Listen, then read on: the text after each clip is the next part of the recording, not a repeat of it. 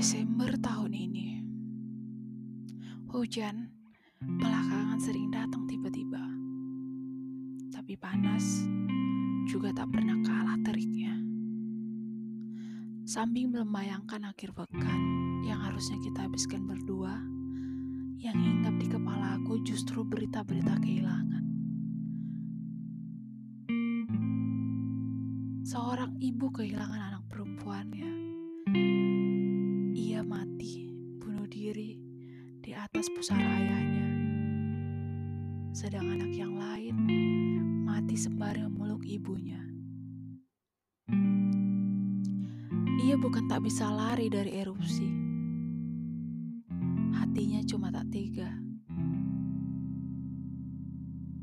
Sedang ibu yang lain kehilangan suaminya yang jadi kepala keluarga, yang jadi kebanggaan keluarga mereka. Kau mungkin akan setuju jika belakangan hidup terasa mendadak begitu singkat. Tubuh yang kuat pun bisa mendadak tak berdaya, menyerah, jatuh, dan tak ada yang bisa membantu selain takdir dan waktu. Diam-diam aku mencarimu memesan satu porsi bakmi yang kau suka sebagai obat rinduku. Aku ingin adil, mengingatmu dan menghangatkan rinduku.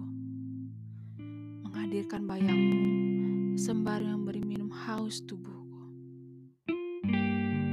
Sudah bulan terakhir, rencana kita banyak yang sia-sia. Tapi tak usah menyesal meski semua yang kita inginkan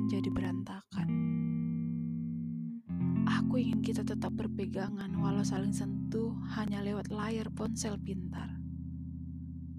Setelah semuanya ini usai, bara api yang semua rindu yang telah tumbuh akan kita gelar di atas ranjang. Hari-hari tahun ini jadi hari-hari yang paling sulit sekali. Mari saling dekat dari kejauhan. Masih jadi angan.